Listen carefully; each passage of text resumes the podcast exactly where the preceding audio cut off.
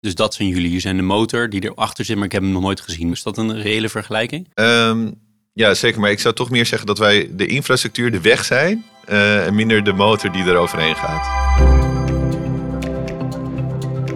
Welkom bij Compliance Adviseert. Met experts, adviseurs, bestuurders en de business bespreken we risk en compliance binnen de financiële wereld en alle uitdagingen en dilemma's die daarbij horen. Want voor het juiste en rechte pad bestaat geen navigatiesysteem. Deze podcast wordt mede mogelijk gemaakt door Deloitte, de Volksbank, Hiargis en Osborne Clark. Je host is Jeroen Broekema.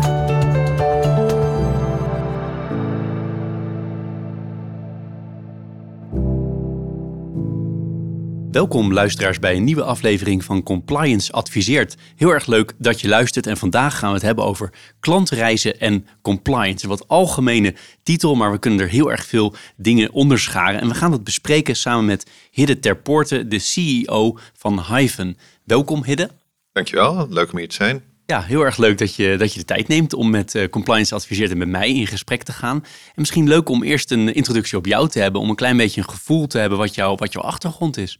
Ja, zeker. Uh, Hidde Terpoorte. Ik uh, ben nu CEO van Hyven, maar ik heb ooit uh, gestudeerd technische bedrijfskunde aan de Universiteit Twente. Daarna een master financial engineering en zo ben ik eigenlijk in de financiële sector beland bij APG, bij de risk en compliance afdeling. Hoe kwam je er terecht? via een afstudeeropdracht over economic capital. Ik zat toen meer in de financial risk hoek, dus zo ben ik er eigenlijk in ingerold. En hoe kom je dan als medewerker van APG bij het totstandkoming van dit bedrijf? Hoe, hoe, is, dat, hoe is dat zo gegaan? Ja, nou ja, ik, um, ik heb dus eerst een aantal jaar op die uh, Group Risk en Compliance afdeling uh, gewerkt en daar van alles gedaan. En dat is eigenlijk een hele goede leerschool geweest uh, nou ja, voor alles wat daarna kwam. want als je op een gegeven moment um, in de, in de ICE-audit van zo'n grote toko als APG zit, daar leer je echt ontzettend veel van. Op een gegeven moment kwam Bitcoin blockchain voorbij en dacht ik van, oh ja, dit is wel echt gaaf. Programmeerbaar geld, daar moeten we wat mee, ook als APG zeiden. Zo ben ik eigenlijk naar de, de innovatiekant van, van APG overgestapt. En daar heb ik een uh, aantal jaar eigenlijk het, uh, het team, het platform, het product opgebouwd waarmee we uh, zijn gestart drie jaar geleden. Ja, dus Hyven is echt opgericht door APG? Ja, zo, kan, zo zou je het kunnen zeggen. Er was uh, binnen APG, dat hebben ze heel goed gedaan, uh, veel ruimte voor, voor innovatie, om te experimenteren. Dus op die manier hebben we gewoon heel goed kunnen kijken van ja, wat kan je nou met uh, nieuwe technologie doen in het kader van pensioenen? Hoe kunnen we pensioenen beter maken of efficiënter? Um, en op die manier zijn we eigenlijk gekomen op het eerste product. En dat hebben we dus ook echt met een team binnen APG opgezet, opgebouwd gezorgd dat het eigenlijk uh, klaar was om ja, live te gaan. En dat was het moment dat we, dat we Hyven zijn gestart, echt als spin-off. Ja. Ja, want we gaan het zo meteen uitgebreid hebben over wat Hyven eigenlijk allemaal doet. Hè? Want dat is denk ik heel, heel interessant om, om te horen. Maar wat is nu de link met APG op dit moment? Uh, APG is nog betrokken als aandeelhouder. Uh, en als klant natuurlijk van onze producten. We hebben dat in-house ontwikkeld voor een, uh, voor een probleem dat we voor APG hebben opgelost. Dus daar maken ze nog steeds naar volle tevredenheid gebruik van. En was het initieel ook het idee dat dit een spin-off, spin-out zou worden van APG? Of zou het altijd bij APG blijven? Of is dat toevallig zo gelopen?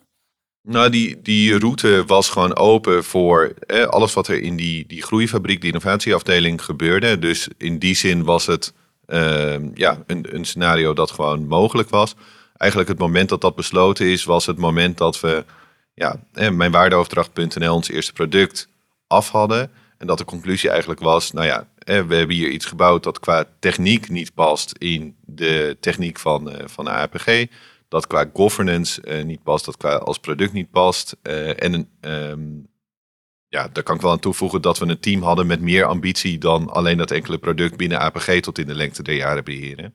Dus dat waren eigenlijk de, ja, de, de redenen waarom we het als spin-off zijn gedaan. En dan zou het zo kunnen zijn dat APG ook er helemaal uitstapt. Maar blijkbaar zijn ze nog wel aan boord als aandeelhouder. Dus ze willen wel betrokken zijn bij wat jullie doen, blijkbaar.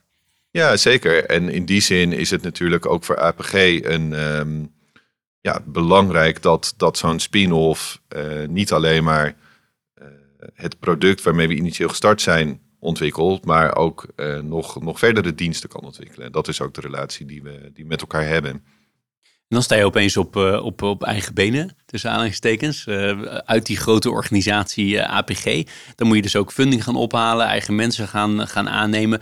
Of wat ik nu beschrijf is eigenlijk niet helemaal zoals het ging in de zin van, het, is, ja, het liep gewoon eigenlijk door, want je deed het allemaal al zelf.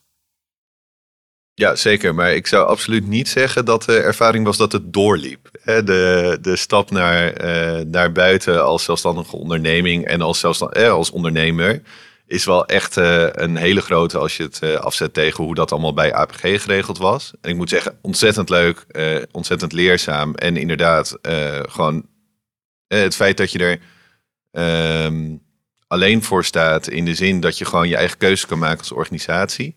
Ja, dat maakt het gewoon ontzettend leuk. En dat geeft ook gewoon ruimte om die ambitie in te vullen. Daar hebben we inderdaad ook gewoon investeerders bij gehaald. En dat, dat maakt ook dat we nu in die zin gewoon ook zelfstandig verder aan de weg aan het timmeren zijn. Geen spijt. Nee, absoluut niet. Nee. Mooi. En dan over wat ik net al aankondigde. Ik ben ook heel erg benieuwd naar wat Hive nou eigenlijk doet. Kan je, dat, uh, kan je dat toelichten? Van welke producten hebben jullie, maar ook wie bedienen jullie eigenlijk? En dan misschien, en dan ga ik gelijk drie vragen in één proppen, wat de link met de compliance wereld is. Dus eerst even de, de, de producten en de diensten en de klanten. Zeker.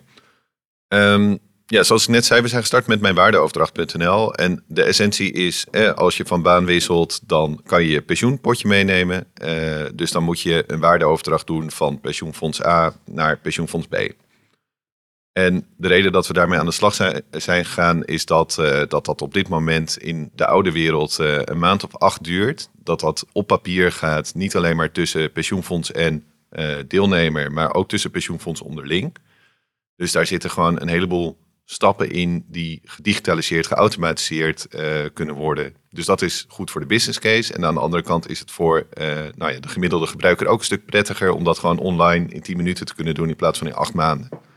En hierbij is de klantenpensioenuitvoerder, dus de APG's van deze wereld. Ja, dus onze klanten zijn eh, APG, PGM, eh, Verzekeraars Nationaal Nederlanden, Achmea. Eh, dus de grote partijen die pensioenen aanbieden, vaak namens meerdere pensioenfondsen. Um, en, dit is een goed voorbeeld van een klantreis in de pensioenwereld, waarvan wij denken dat kan beter, dat kan sneller, dat kan uh, uh, efficiënter. En dat is eigenlijk wat we met Hive willen doen. Dus we bieden innovatieve, geïntegreerde klantreizen aan, um, die ja, compliant by design noemen we dat mooi. Uh, daar kunnen we zo meteen nog wat, wat meer over vertellen. Maar wat we eigenlijk doen, we hebben een onderliggend platform, PensionLink heet dat. En dat is, zoals de naam al zegt, dat verbindt uh, partijen in die pensioensector met elkaar. Omdat je in heel veel uh, van die klantreizen dus data uit verschillende bronnen nodig hebt, is het belangrijk dat je ook op technisch niveau die connecties legt.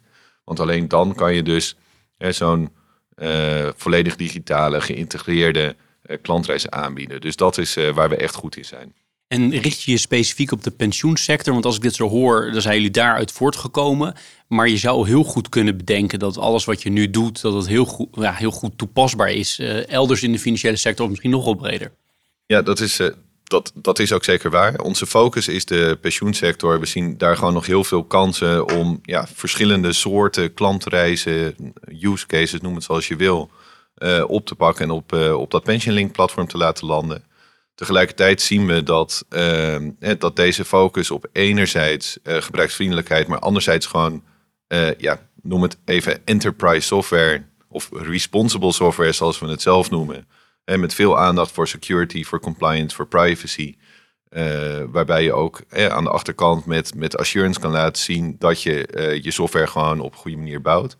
Ja, dat, dat kunnen we ook in andere sector of andere delen van de financiële sector doen. En ja, dat doen we ook. Ja, want ik las, jullie zijn ongeveer met 35 mensen nu hè, in, het, eh, in, de, in de organisatie en snel groeiende.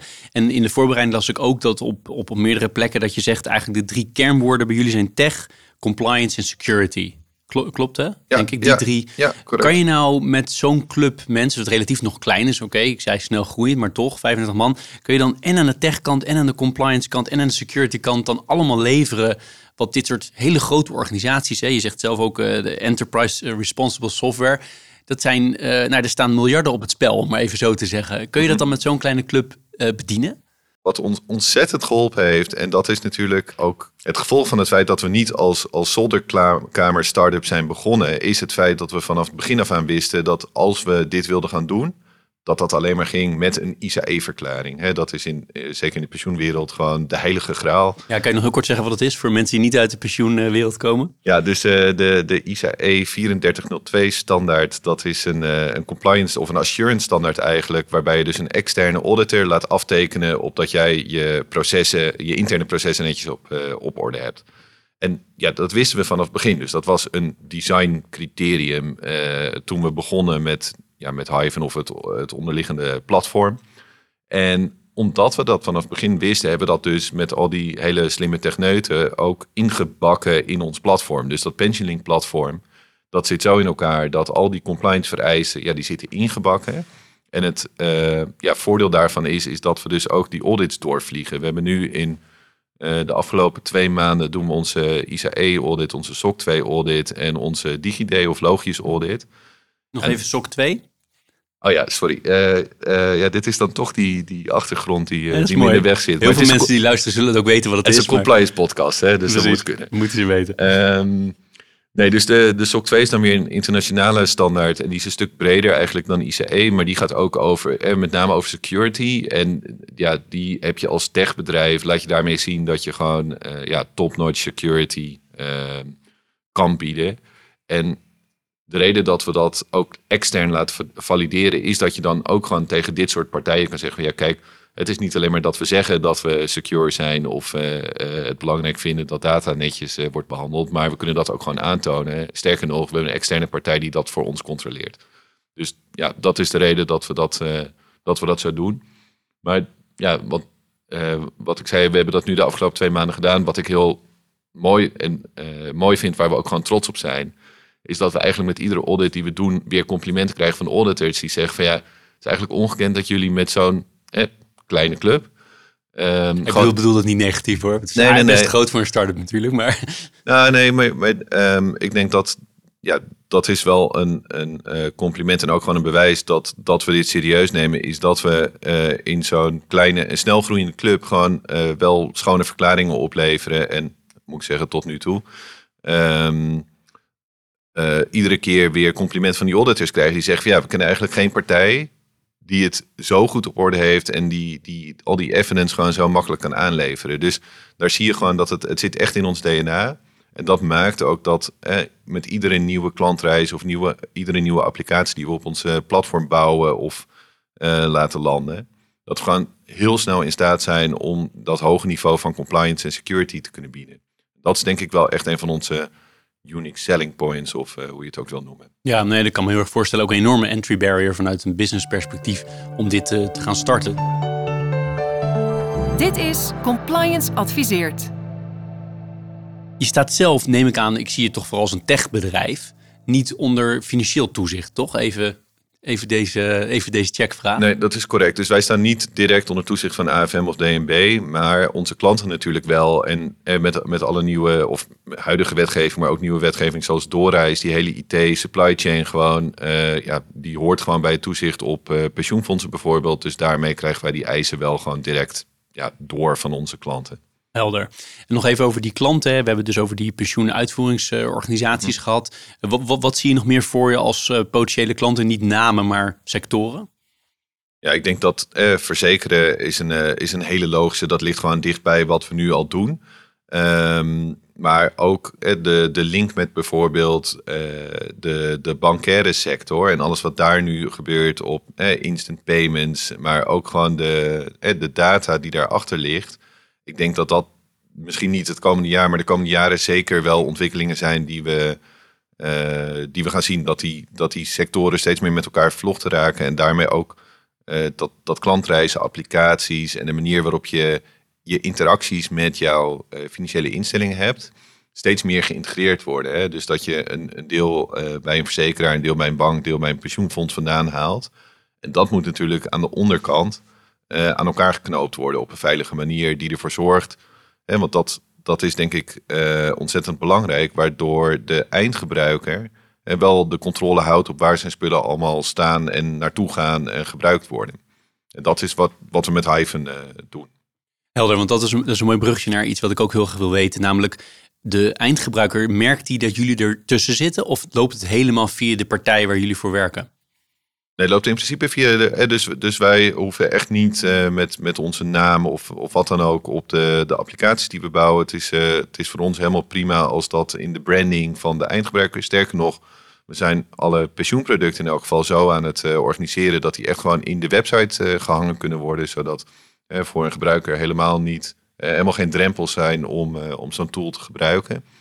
Um, dus nee, bedoel, dus uiteindelijk als ik in mijn auto rij, ik heb mijn eigen motor nog nooit gezien. Dus dat zijn jullie. Jullie zijn de motor die erachter zit, maar ik heb hem nog nooit gezien. Moet ik het zo, is dat een reële vergelijking? Um, ja, zeker. Maar ik zou toch meer zeggen dat wij de infrastructuur, de weg zijn. Uh, en minder de motor die er overheen gaat de weg is en meer de, de infrastructuur. Oh, wat goed. maar die weg zie ik wel. Ja, zeker. maar, daar, maar daar, staat, daar staat nooit een, uh, een merk op natuurlijk. Nee, nee, dat, is, uh, dat, dat, is, dat is helder. Welke, welke wet en regelgeving is nou echt een, eh, een grote uitdaging voor jullie? Ja, dat is dus de, de grap. Als je zegt dat, uh, dat compliance uh, een van je, van je sterke krachten is, dan is wetgeving geen, uh, geen uitdaging, maar een kans. kans. Ja, ja, precies. Um, nee, ik, wij, zien, uh, wij zijn nu heel erg bezig met wat er uh, qua open finance uh, gebeurt. Want dat gaat natuurlijk bij uitstek over wat wij met Hive willen doen en met PensionLink willen doen. Namelijk partijen met elkaar verbinden, data uitwisselen en zorgen dat ten dienste van de, de eindgebruiker we van die geïntegreerde klantenreizen kunnen aanbieden.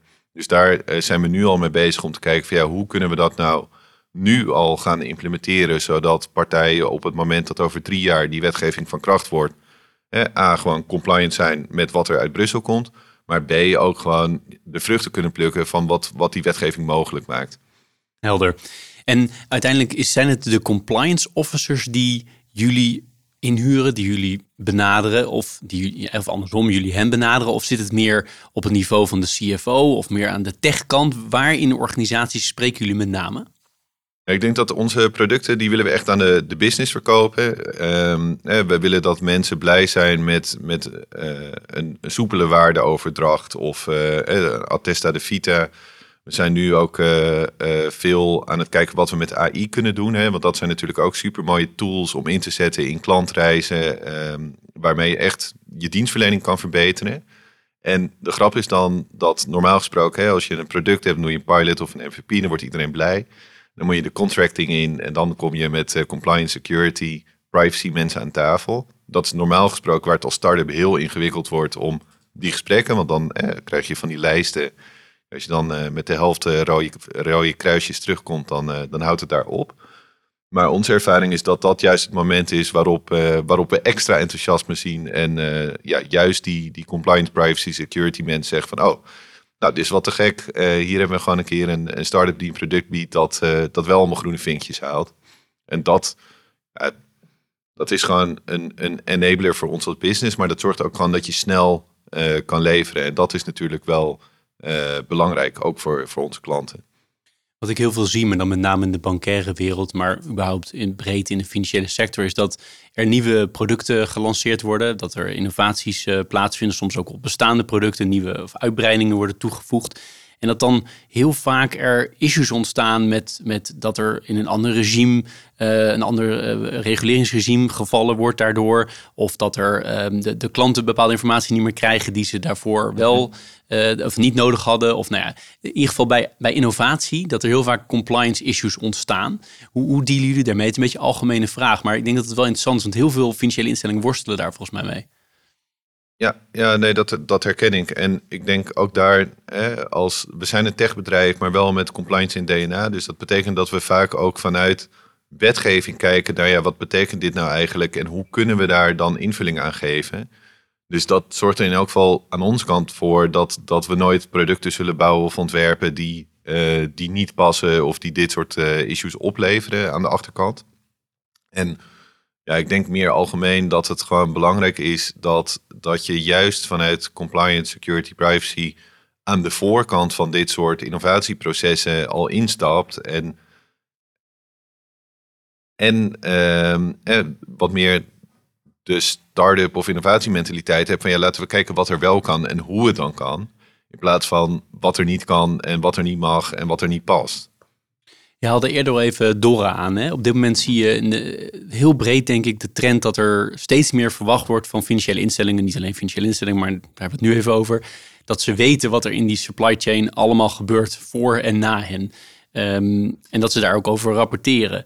Jullie verwerken, zijn natuurlijk een van die partijen die verwerken, jullie verwerken allerlei gegevens. Hè? Ik geloof BSN, gegevens, biometrische gegevens, als ik het goed uh, onthouden heb. Um, hoe, hoe dealen jullie daarmee? Want die je hebt allerlei best wel vertrouwelijke informatie die via jouw platform loopt. Um, hoe, hoe, hoe loopt dat? Hoe werkt dat? Nou, in eerste instantie zorgen we er natuurlijk zelf voor dat, eh, dat, dat alles wat wij doen met die data op de juiste manier beschermt. En daar hebben we dan ook weer die assurance rapport voor om aan te kunnen tonen dat dat zo is. Um, en verder helpen wij de partijen in onze keten, hè, zowel upstream als downstream, met uh, het, het aanleveren van de juiste rapportages en evidence, zodat we gewoon door die hele keten heen heel goed kunnen aantonen dat dat goed in elkaar zit. En ik denk dat um, dat dit voor veel techbedrijven uh, die, die die compliance insteek gewoon niet, niet hebben, echt een hele ingewikkelde is. Want eh, als, als engineers kijk je gewoon naar de beste oplossing voor een probleem zonder, uh, zonder te kijken naar wat, wat dat vanuit compliance invalshoek betekent.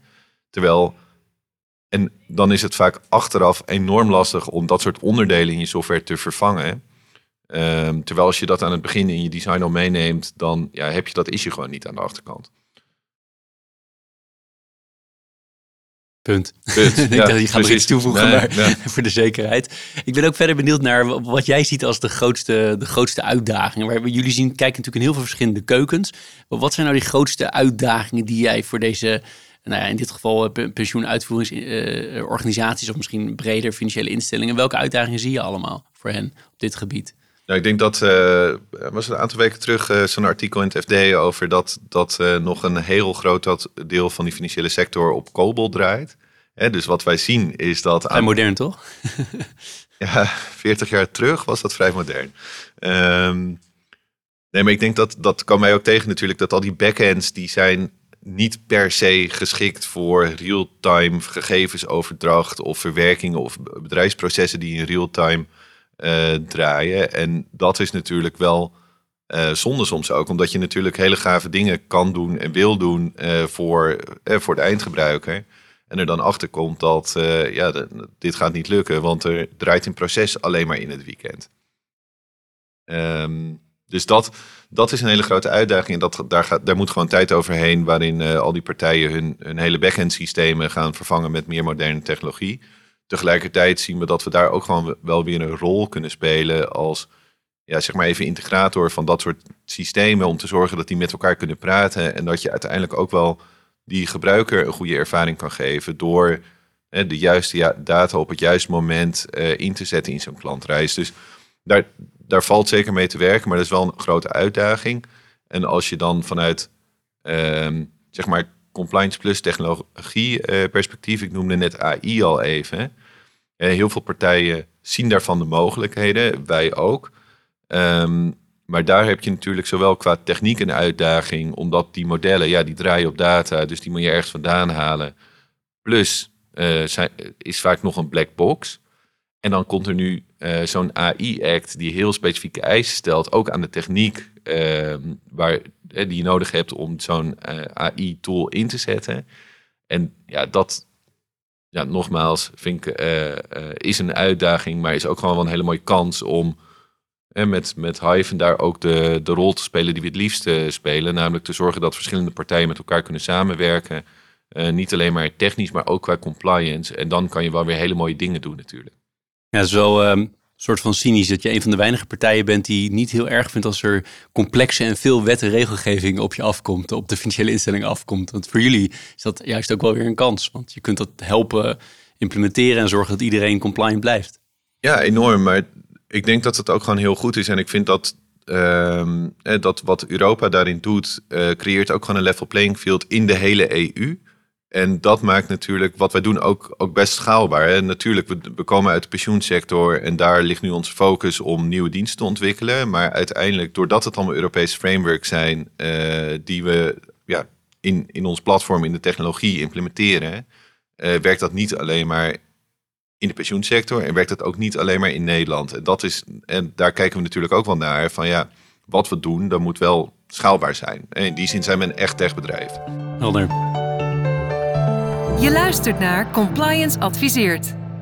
Wat ik een hele interessante trend vind, en dat is eigenlijk al, het komt al best wel veel terug in dit gesprek, uh, indirect met name, maar is dat, dat heel veel financiële instellingen, partijen zoals jullie erbij halen om te moderniseren, noem ik het maar even, om hè, die klantreizen waar jij het over hebt, te laten voldoen aan de, aan de huidige tijd. Je ziet zo'n Backbase bijvoorbeeld, die over de hele wereld uh, financiële instellingen helpt. Net weer een hele grote deal, ook in, diezelfde krant waar je het net over had, gesloten heeft met Danske Bank. je hebt uh, partijen als Open, die allerlei dingen bouwen voor banken. Ik ben wel nieuwsgierig, jou, heb je daar een visie op? Uiteindelijk worden die banken, gaan die al dit soort dingen uiteindelijk extern beleggen en blijven zij gewoon bij de kern van, um, nou ja, van het, het gezicht zijn richting de klant? Ehm, en misschien en, het geld leveren. Of, of, zie je dat banken ook wel weer een terugtrekkende beweging maken, of pensioen, pensioenuitvoeringsinstellingen of wat dan ook, andere FI's, dat ze toch weer ook weer meer dingen in huis gaan doen. Met andere woorden, wat doe je binnen, binnenshuis en wat doe je daarbuiten? Waar, hoe kijk je daarnaar? Het is wel een interessant vraagstuk, vind ik. Want ja, je kan ook denken dat, een, dat uiteindelijk een financiële instelling misschien al deze dingen outsourced. Ja, nee, maar uiteindelijk is die make by Ellie beslissing moet je gewoon per, uh, zou ik echt zeggen, businessprobleem apart bekijken. Hè? Dus wat, uh, wat, wat wil je bereiken, wat wil je doen en hoe kritisch is dat voor jou, voor je eigen strategie? Um, en daarbij een hele belangrijke is wel of je de capability ook echt in huis hebt. Want dat is natuurlijk bij veel financiële instellingen, als je, als je kijkt naar, naar wat voor mensen wij hebben, wat voor profielen dat zijn. En dus compliance profielen die heel veel van techniek weten of uh, technische profielen, architecten die heel veel van compliance weten. Ja, daar zijn er niet zo heel erg veel van. En die heb je wel nodig als je uh, uh, wil innoveren en ook als je snel naar de markt wil. Dus ik denk dat daar gewoon voor, voor iedere financiële instelling een afweging zit van ja, kunnen we dit überhaupt in-house? Kunnen we die make waarmaken? En dat zie, je, dat, dat zie je ook nog wel eens misgaan met grote projecten die dan worden ingezet om te innoveren. En die dan uiteindelijk toch niet, niet opleveren, omdat, ja, denk ik, de capability gewoon mist. En kun je het toch wel tegelijkertijd ook nog wel blijven controleren vanuit jouw, vanuit het perspectief van een financiële instelling. Hè? Als je met heel veel partijen werkt, heb je nog wel het overzicht wat iedereen doet en waar alle data precies is vanuit datzelfde aspect van Dora, dat je die hele chain uh, moet, moet kennen. Want wat, dat, dat vind ik wel een interessant linkje naar uh, een van mijn voorgaande gasten, de Chief Compliance Officer van ASML ik maakte me heel erg zorgen over van hè, spionage en partijen die daar binnenkomen, dingen zien. En eigenlijk mijn woorden hoor, ik ga hem niet letterlijk kunnen quoten nu, maar het kwam er eigenlijk op neer dat hij zich daar niet eens zoveel zorgen over maakt. En hij zei, we werken met zoveel verschillende toeleveranciers. Het is daardoor ook wel weer veiliger in zekere zin, zolang we ze kunnen controleren. Again, mijn woorden. Mhm. Zolang we ze kunnen controleren, hebben we wel op heel veel plekken wat liggen. Waardoor niet alles op één plek ligt. En vanuit security opent een van jullie drie kernwoorden, tech, compliance en security, is dat misschien ook wel weer veiliger. Dus ik vond het wel interessant Van als ik CEO van een grote financiële instelling zou zijn. Aan de ene kant is het tricky, denk ik. Als je overal data hebt zitten en kan ik het, uh, kan ik het beheersen. Aan de andere kant is het misschien ook wel veiliger. Het is gespreider. Ja, makes sense. Als jij inderdaad in staat bent om gewoon die, die hele keten te controleren. En Kijk, ook daar weer, daar zien wij gewoon een enorme kans. Niet alleen maar om onze eigen apps uh, beschikbaar te maken via zo'n pensioning platform, maar dat ook voor andere applicaties te doen. Want daardoor um, kan je, uh, geven wij onze klanten dat die, die controle en de garantie ook dat het goed zit. Terwijl ze wel gebruik kunnen maken van dit soort innovatieve diensten die niet per se uh, al die hele compliance op, op orde hebben. Dus daar zien we ook wel ja, een rol weggelegd voor, voor integraties met third-party app, zeg ik maar even. Met een focus juist op uh, die digitale supply chain en zorgen dat je daar de juiste, um, ja, uh, de juiste, het juiste vertrouwen kan bieden dat die applicaties dan ook echt voldoen en de data niet weglekt, noem maar op. Um, ja, of dat. Kijk, ik kan me in het geval van ASML voorstellen dat daar gaat ook meer over bedrijfsgeheimen. Hè? Um, in ons geval gaat het ook gewoon over gebruikers, gebruikersdata. Uh, die wil je typisch niet op zoveel mogelijk plekken in kopie hebben liggen. Um, maar daar kan je natuurlijk wel ook slimme dingen doen om te zorgen dat je die op één plek uh, en met de juiste uh, controlemechanismes ja, inzet in, in die verschillende supply chains, zeg maar. Ja, uiteindelijk die data is denk ik het goud van wat financiële instellingen in handen hebben. Het is ook een soort bedrijfsgeheim. Hè? Het is uiteindelijk gaat om data van mensen, denk ik. En, daarmee risicoprofielen. En als je bij risk komt, dan zit je bij een financiële instelling, denk ik. Ja, hier, hier heb ik dan wel, denk ik, een, uh, een uh, wat afwijkende mening over. Want uiteindelijk is die data niet van een pensioenfonds of een bank of een verzekeraar. Die is van jou en van mij. En uh, dat is ook wel heel interessant aan het Open Finance Framework. Is dat die eigenlijk langs die lijn zegt ja, leuk, data, nieuwe goud. Maar uh, dat is niet jullie data, dat is data van de gebruiker. Dus die moet uiteindelijk agency hebben over waar die data in wordt gezet, met welke partij die wordt gedeeld.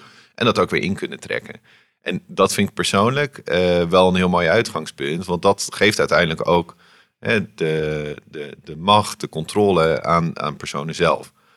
Nu is de, de belangrijkste uitdaging daarin wordt omdat een beetje gebruiksvriendelijk te gaan doen. Want je wil natuurlijk niet uh, als deelnemer of als gebruiker overal in moeten loggen en in verschillende datakluizen, weet ik veel wat. Dus dat is denk ik een gemeenschappelijke uitdaging voor de komende jaren om dat op goede manier te doen. Maar het uitgangspunt dat, dat, dat goud uh, niet van, van banken, verzekeraars of andere financiële instellingen is, dat vind ik wel, daar sta ik in elk geval helemaal achter. Nee, helemaal, helemaal met je eens. Ik denk alleen dat de geaggregeerde data levert heel veel inzichten op. En risicoprofielen van groepen of van hoe, hoe producten reageren op bepaalde groepen mensen. En die geaggregeerde data, dat is risico. En risicomanagement is denk ik bij uitstek wat uh, financiële instellingen doen. Maar goed, helemaal met je eens dat op individueel niveau dat, uh, dat absoluut bij, uh, bij, bij mensen ligt. Naar de toekomst. Je haalt het al een beetje aan. Hè? Je hebt open finance genoemd, de level playing field in Europa. Um, we hebben het nog EIDAS. welke dingen zie jij in de toekomst nog meer gebeuren? Wat, is nog meer, waar moeten we op letten als zeker mensen die in de compliance hoek werkzaam zijn? Waar moeten ze op gaan letten de komende tijd? Ik denk dat dat het voor iedere compliance officer gewoon goed is om, uh, om die techniek in te duiken. Want technologische cycle en de technologische innovatie gaat gewoon steeds sneller. Dat zie je met, um, ja, met alles wat er op AI-vlak nu gebeurt. Maar er zijn zoveel meer ontwikkelingen. Hè? Dus ook op het gebied van cloud, van, um, van, van hosting, van de, eh, de mate waarin systemen met elkaar geïntegreerd zijn. Ja, dat, uiteindelijk moet je gewoon begrijpen hoe de onderliggende technologie in elkaar steekt op een, op een diep niveau om uh, daar de risico's van in te kunnen schatten. Dus ik denk dat, ja, of dat nou eh, vanuit, vanuit uh, de, de wetgevingsframework zit die verplichting natuurlijk ook al. Hè. DORA is nou, best zwaar aangezet, ook op bestuur, bestuurlijk niveau, dat die technische kennis er moet zijn. Maar ik denk dat dat ook gewoon zeer terecht is. En dat moet zich natuurlijk vertalen door organisaties in. Um, want ja, uiteindelijk als je zeker eh, cyber, IT-risico's, maar ook risico's op datalekken echt goed wil kunnen inschatten, dan zit dat gewoon in de techniek en niet zozeer in ja, alles daaromheen, uh, zeg ik maar even. Uh, dus, dus dat... meer techkennis in de board is cruciaal, zeg je eigenlijk? Nou, maar in de, in de, hele organisatie, maar ook nou, op bordniveau. Ja, zeker, maar ook in, in, in de keten. Hè? Dus, dus als jij compliance officer bent en je moet, moet beoordelen of een, uh, of een leverancier voldoet, ja, dan, dan kan je varen op, uh, op wat zo'n leverancier uh, jou, jou zegt of laat zien. En daar heb je natuurlijk ten dele ook die SOC 2 en ICE-rapporten voor allemaal. Maar als je echt goed risico's wil kunnen inschatten, moet je gewoon die kennis zelf ook in-house hebben. Helder. Voordat ik de, naar de tips ga voor uh, compliance uh, officers, die we altijd aan iedereen uh, stellen, ben ik nog even benieuwd naar twee dingen. Eén is, waar staat het bedrijf Hyphen over vijf jaar? als je die glazen bol even met ons wil, wil delen. of de inzichten uit die glazen bol. en de, de, de andere is, van, heb jij nog dingen waarvan je zegt, ja, Jeroen, dat is wel jammer dat we het daar niet over gehad hebben. Dus eerst even waar Hyphen staat over vijf jaar. Over vijf jaar uh, willen we wat we nu in de Nederlandse pensioensector uh, leren ook toepassen op uh, Europees niveau. Hè. Dus wat ik net al aangaf, het zijn Europese frameworks, het zijn Europese. Um, of of de, de toepassing daarvan, die is gewoon Europees schaalbaar. Dus dat is wel een hele belangrijke ambitie die we hebben om op een gegeven moment wel ehm, de Nederlandse pensioensector en Nederland uit te groeien met wat we aan het doen zijn. En tegelijkertijd Um, als we dan even kijken naar de focus nu, wat we in, uh, in Nederland in die pensioensector doen. Uh, ja, over vijf jaar zit, is PensionLink gewoon aangesloten op 100% van de markt. En uh, nou, laten we zeggen, 20 van die klantreizen die we, die we aanbieden om, om pensioenen makkelijker en, en efficiënter te, te laten werken. Ik denk dat dat twee mooie ambities zijn. Nou, voldoende ambitie inderdaad. Dat is, Ja, het, eh, zeker. klinkt goed. Ehm, en die tweede vraag, eh, of die, die, die tweede vraag voordat we met die tips, eh, met die tips komen, is van, ehm, ja, is er nog iets waarvan je zegt, Jeroen, dat hadden we echt moeten bespreken. Dat hadden we hier op tafel moeten hebben.